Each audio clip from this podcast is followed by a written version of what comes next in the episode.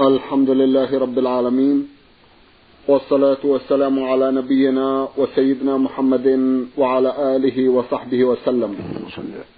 مستمعي الكرام السلام عليكم ورحمة الله وبركاته وأسعد الله أوقاتكم بكل خير. هذه حلقة جديدة مع رسائلكم في برنامج نور على الدرب.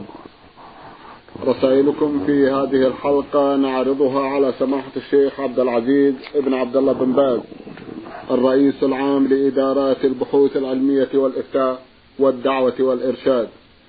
مع مطلع هذه الحلقة نرحب بسماحة الشيخ ونشكر له تفضله بإجابة السادة المستمعين فأهلا وسهلا بالشيخ عبد العزيز. حياكم الله وبارك فيكم حياكم الله. أولى رسائل هذه الحلقة رسالة وصلت إلى البرنامج من الدمام. باعثة الرسالة إحدى الأخوات من هناك تقول المرسلة أم أحمد الحافي. أم أحمد لها أربعة أسئلة شيخ عبد العزيز. تسأل في سؤالها الأول وتقول هل قرض البنك العقاري والزراعي يعتبر دين على الشخص إذا استقرضه وتوفي قبل أن يسدده؟ ثم ماذا يجب على الورثة تجاه ذلك؟ لأنهم يريدون في الواقع راحة الميت. إذا لم يستطيعوا أن يسددوا البنك بسرعة فما الحكم؟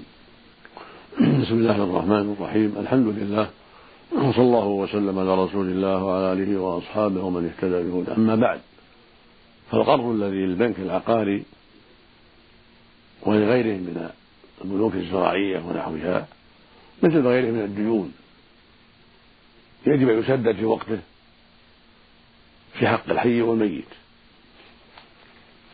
وإذا مات الإنسان وعليه دين للبنك وجب أن يسدد من التركة في أوقاته إذا التزم به الورثة. فإن لم يلتزموا سدد في الحال من التركة حتى يستريح الميت من تبعة الدين. وقد جاء في الحديث عنه عليه الصلاة والسلام أنه قال نفس معلقة بدينه حتى يقضى عنه لكن إذا كان الدين مؤجلا والتزم الورثة أو بعضهم بأنه يؤدى في وقته فإنه يتعجل ولا يحل ولا يضر الميت لأنه مؤجل. فإن لم يلتزم أحد به في وقته وجب أن يسدد من التركة حتى يسلم الميت من تبعات ذلك. نعم. جزاكم الله خيرا. شيخ عبد العزيز إذا كانت هذه القروض على شكل أقساط فما هو توجيهكم؟ مثل ما تقدم كل قسط في وقته. كل قسط في سدد في وقته إلا إذا لم يجد إذا لم يوجد من الورثة من يلتزم بذلك. نعم. فإنه يسدد الجميع من نفس التركة نعم. كالدين الحال. كالدين الحال. جزاكم الله خيرا. تسأل أختنا وتقول إذا رأى رجل امرأة كاشفة بدون قصد وهي في فترة حداد على ميت على زوجها فماذا يلحقها في ذلك؟ هل عليها إعادة الحداد؟ إذا رأى الرجل المرأة وهي سافرة فإنه يغض بصره ويصرف بصره عنها فقد سئل النبي صلى الله عليه وسلم عن نظر الفجأة فقال اصرف بصرك. وقال إن لك الأولى وليس لك وليس لك الأخرى. والمعنى أنه لا حرج عليه في الأولى التي نظرها صدفة لم يقصدها وإنما صادفها من باب خارجة أو من باب وهو داخل أو من طريق فإنه يصرف بصره. ولا يتابع يتبع النظرة النظرة بل يغض بصره. أما المحادة وغيرها من النساء فليس عليها شيء في ذلك. إذا لم تتبع النظر النظر بل تغشت واحتجبت وليس عليها أن تعيد النظر من الإحداد بل تستمر في إحدادها ولا شيء عليها إلا أنه يلزمها أن تبتعد عن أسباب الفتنة وأن تحتجب عن اتجاه الأجانب مثل غيرها من النساء سواء بسواء ليس هذا ليس هذا خاصا بالمحادة ولكنها كغيرها من النساء. عليها الاحتجاب والبعد عن أسباب الفتنة وعليها أن تراعي المحادة عليها أن تراعي خمسة أمور. طيب. والأمر الأول بقاؤه في البيت الذي مات زوجها وهي ساكنة فيه إذا كان صالحا تبقى فيه. أما إذا لم يتيسر بقاؤها فيه لخرابه أو لأن أهله أبوا يؤجروه بعدما تمت الأجرة أو لأنه ليس فيها ليس لديها من يونسها فيه بعد موت زوجها تخاف على نفسها تخرج إلى أهلها أو إلى مكان سليم. الشرط الثاني أن تلبس الملابس العادية دون الملابس التي تفتن. فلا تلبس الملابس الجميلة. ولكن تتحرى الملابس التي لا تفتن وهي الملابس العادية من سوداء أو خضراء أو غيرها لكن ليس فيها ما يفتن الناس. الثالث اجتناب الحلي من الذهب والفضة والماس ونحو ذلك. الرابع عدم الطيب البخور وسائر أنواع الطيب. الرسول نهى عن ذلك نهى المحدث عن ذلك عليه الصلاة والسلام. الخامس عدم الكحل والحنة ونحوهما لأن ذلك من أسباب الفتنة أيضا.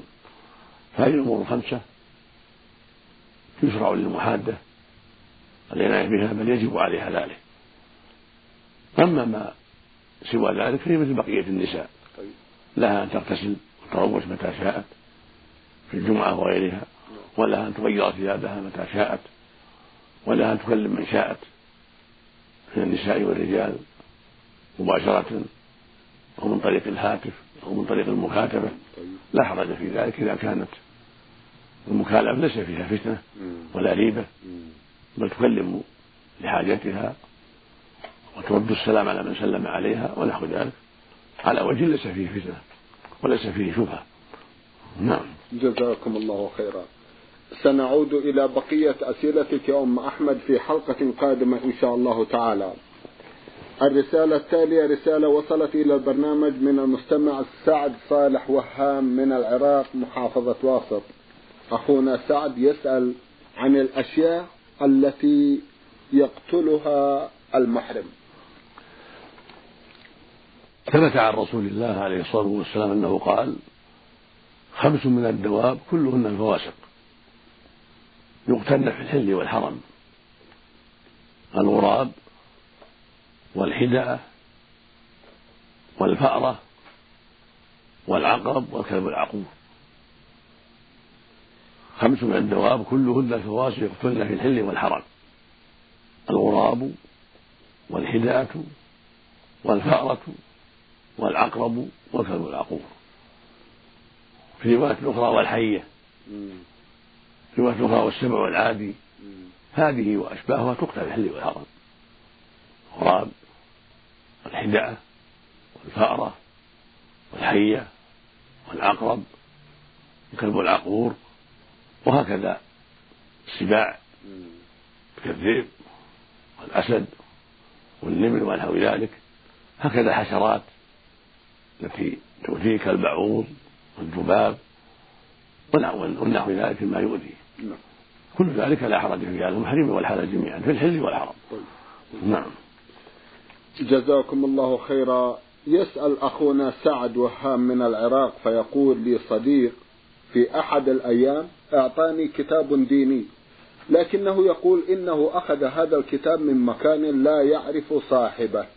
فهل أدفع ثمن هذا الكتاب لأحد الفقراء لأني لم أشتره وأعتبره مغتصب أم كيف أتصرف؟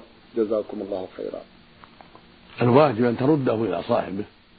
وهو يرده إلى المكان الذي أخذه منه. الواجب عليك أن ترده إلى الذي أعطاك الكتاب وتقول لك يجب عليه يرده إلى مكانه. وليس له أخذ كتاب بغير حق. إلا إذا سمح صاحبه بذلك أو أعطاه ثمنه فلا بأس. فإن لم يتيسر لك ذلك بأن لم تحصل الرجل حتى تعطيه الكتاب فلا مانع من أن تصدق بقيمته. أو تجعله في مكتبة عامة ينتفع به الناس. مع التوبة والاستغفار من أخذه من أخذك إياه. من هذا الشخص الذي ذكر لك أنه أخذه بغير حق. الله المستعان. الله المستعان. جزاكم الله خيرا. من المملكة الأردنية الهاشمية خريبة السوق هذه رسالة وصلت إلى البرنامج من إحدى الأخوات تقول المرسلة. ميم. سين عين. أختنا تقول في سؤال لها إنني كنت في رمضان أفطر دائما. وعندما هداني الله وأحسست بالإيمان لم أعد إلى ذلك. هل هنا أحاسب على جميع ما أفطرته قبل الهداية والتوبة إلى الله؟ أم علي القضاء لجميع ما أفطرت؟ مع العلم أنني لا أحصي ما أفطرت. بماذا تنصحونني أن أفعل؟ كذلك الصلاة. لم أكن أصلي من قبل والحمد لله الآن مداومة عليها وملتزمة بها. أرجو منكم التوضيح. جزاكم الله خيرا. الواجب عليك التوبة وقد من الله عليك بذلك والحمد لله. فعليك أن تلزم التوبة. وأن تكثري من الاستغفار والعمل الصالح من صلاة النافلة والصدقات إذا استطعت كثرة التسبيح والتهليل والتحميد والتكبير والاستغفار. كل ذلك من أسباب كمال التوبة ومن أسباب المغفرة. وليس عليك قضاء الصلاة ولا الصوم لأن ترك الصلاة كفر والكافر إذا أسلم ليس عليه قضاء. وقد قال عليه الصلاة والسلام في الحديث الصحيح العهد الذي بيننا وبينهم الصلاة فمن تركها فقد كفر. خرجه الإمام أحمد وأهل السنن بإسناد صحيح. عن بريدة بن الحصين رضي الله تعالى عنه. وقال عليه الصلاة والسلام أيضا بين الرجل وبين الكفر والشرك ترك الصلاة. خرجه الإمام مسلم في صحيحه عن جابر بن عبد الله رضي الله تعالى عنهما. في أحاديث أخرى تدل على كفر تارك الصلاة. وقد ذكر عبد الله بن شقيق العقيلي التابعي الجليل عن الصحابة رضي الله عنهم أصحاب النبي صلى الله عليه وسلم أنهم كانوا يرون أن ترك الصلاة كفر. بل كانوا لا يرون شيئا من ما تركه كفر إلا الصلاة. والصلاة أمرها عظيم وهي عمود الإسلام من حافظ عليها فقد حفظ دينه ومن ضيعها فقد ضيع دينه. فأنت لما من الله عليك بالتوبة من ترك الصلاة وترك الصوم فليس عليك قضاء والحمد لله وإنما عليك التوبة الصادقة والاستقامة عليها. وحمد الله على ذلك وشكره على ذلك والاستكثار من أعمال الخير من صدقات ولو بالقليل من الاستغفار كثير تسبيح والتهليل والتحميد والتكبير. وغير ذلك من وجوه الخير كصوم التطوع وكثرة الدعاء والضراعة إلى الله أن يتقبل منك وأن يعفو عنك. أما من ترك الصوم ولكنه يصلي مسلم يصلي لكن تساهل في الصيام فإنه يقضي. يقضي ما عليه من الصيام لأن ترك الصيام ليس ردة عن الإسلام ولكنه معصية عظيمة. فمن ترك الصوم شهرا أو أكثر أو أقل فعليه القضاء.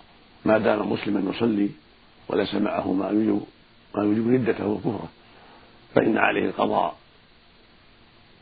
لأن الرسول صلى الله عليه وسلم أمر الحيض بقضاء الصوم فعليهن قضاء. وهكذا من تعمد من تعمدت ترك الصوم بغير عذر ولكنها تصلي فإن عليها قضاء أيضا. وهكذا الرجل الذي تساهل في الصيام وهو مسلم يصلي فإنه يقضي أيضا ويتحرى الأيام التي تركها إذا كان لا يعلمها يتحرى ويعمل بظنه في ذلك ويقضي. نعم. جزاكم الله خيرا.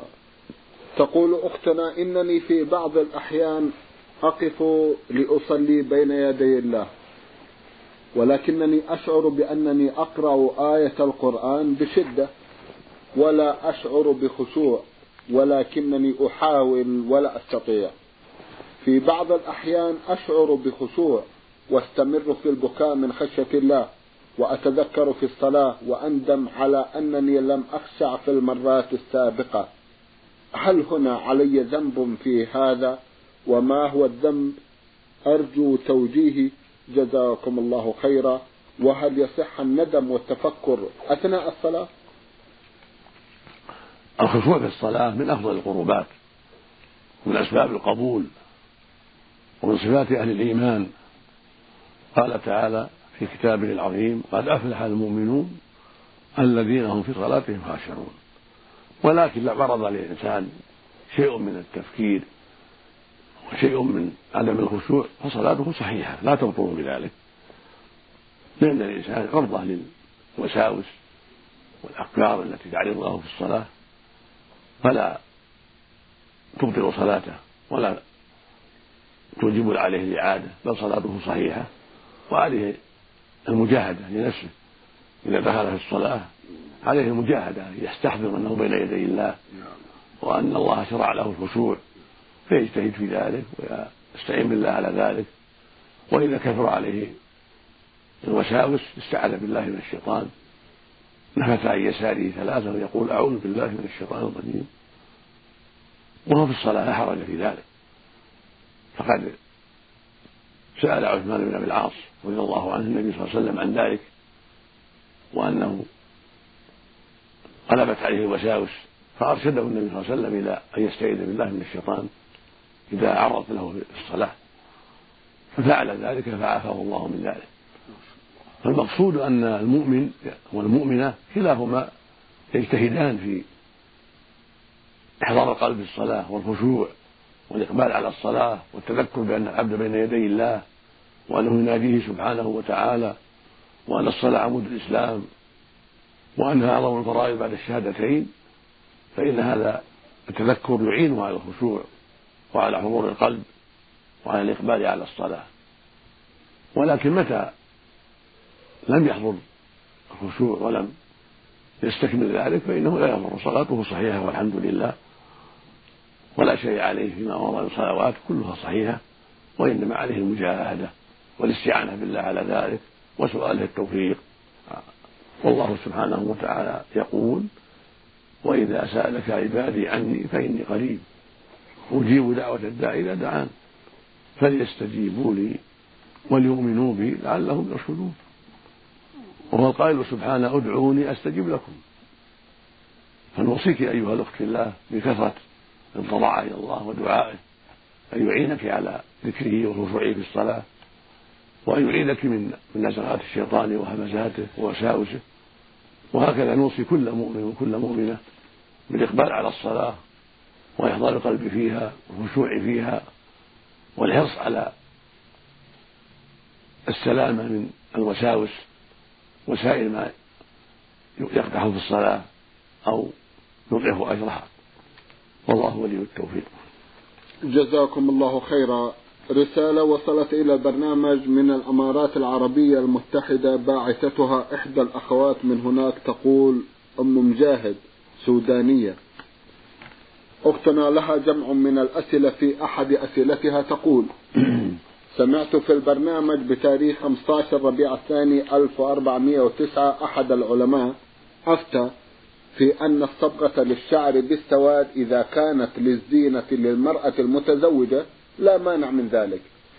ولكن هنالك أحاديث تأمرنا باجتناب السواد ولم تخصص المتزوجات أم غيرهن.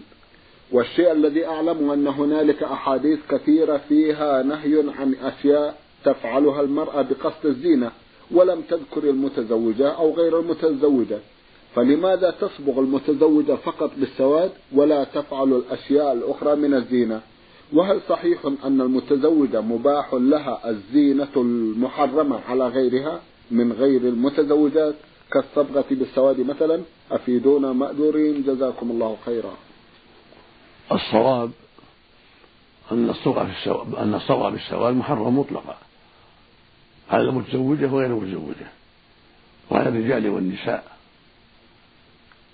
لقول النبي صلى الله عليه وسلم الحديث الصحيح غيروا هذا الشيب وجنبوه السواد. خرجه الإمام مسلم في صحيحه. ولو كان يباح التغيير بالسواد لأحد لا أباحه النبي صلى الله عليه وسلم للصحابة ولوالد الصديق رضي الله تعالى عنهما.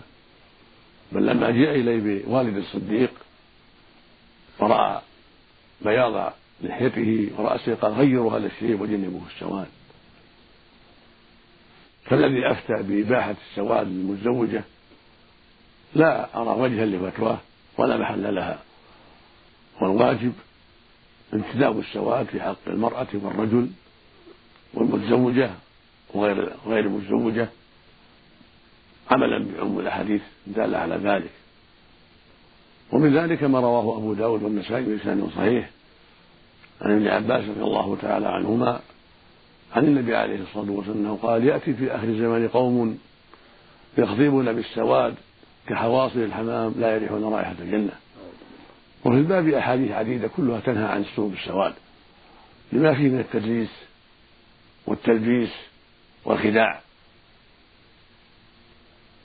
فالذي أوصي به جميع الرجال والنساء الحذر من تغيير الشيء بالسواد.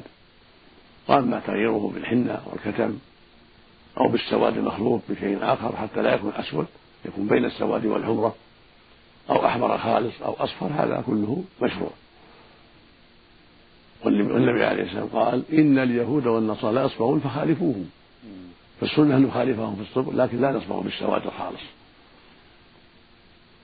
فنصيحتي لكل مسلم ولكل مسلمة أن يعتني بسماع هذا البرنامج نور على الدرب في أوقاته. لما, لما فيه من الفائدة العظيمة.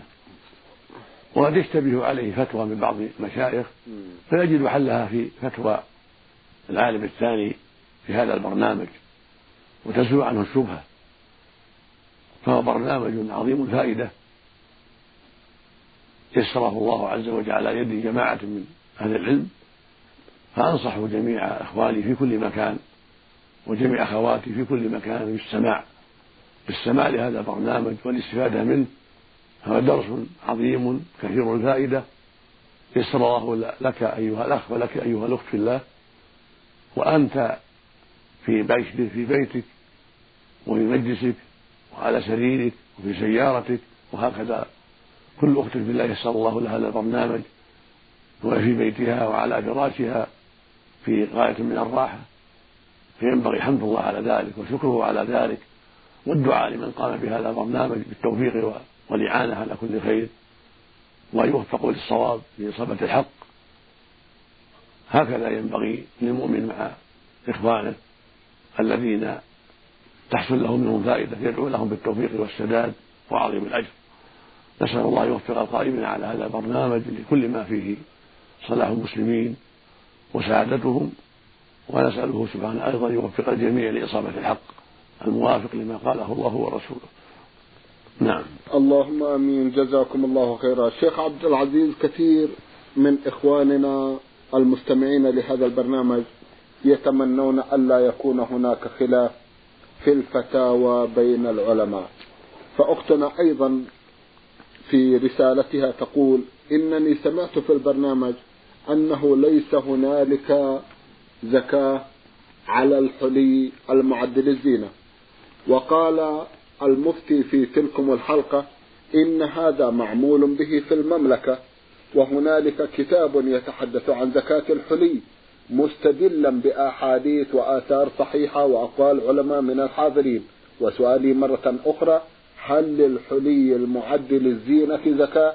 وما رأيكم في الكتاب الذي يتحدث عن زكاة الحلي؟ جزاكم الله خيرا. الاختلاف لا بد من في بعض المسائل الورعية ولا تمكن السلامة من ذلك. فقد كان موجودا في عهد الصحابة رضي الله عنهم ومن بعدهم بسبب اختلاف الفهم وبسبب خفاء أدلة على بعض أهل العلم. فلهذا يقع بعض الخلاف فإن بعض أهل العلم قد يبلغه الحديث عن رسول الله صلى الله عليه وسلم وقد لا يبلغ, يبلغ الآخر. وكذلك قد يفهم من الآية ومن الحديث فهما لا يفهمه الآخر في بعض المسائل.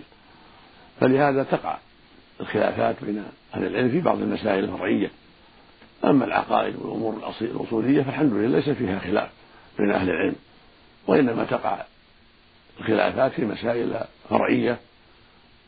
قد يخفى فيها الدليل على بعض أهل العلم وقد يختلف فيها يختلف فيها الفهم. فعلى طالب العلم وعلى السائل وعلى المستفيد أن يتحرى ويجتهد في الاستراح من أهل العلم حتى يطمئن قلبه إلى ما قد وقع إلى ما وقع فيه الخلاف وحتى يعرف الصواب. ومن ذلك مسألة الخضاب بالسواد كما تقدم في السؤال السابق. نعم. ومن ذلك مسألة الحلي هل فيها زكاة أم لا؟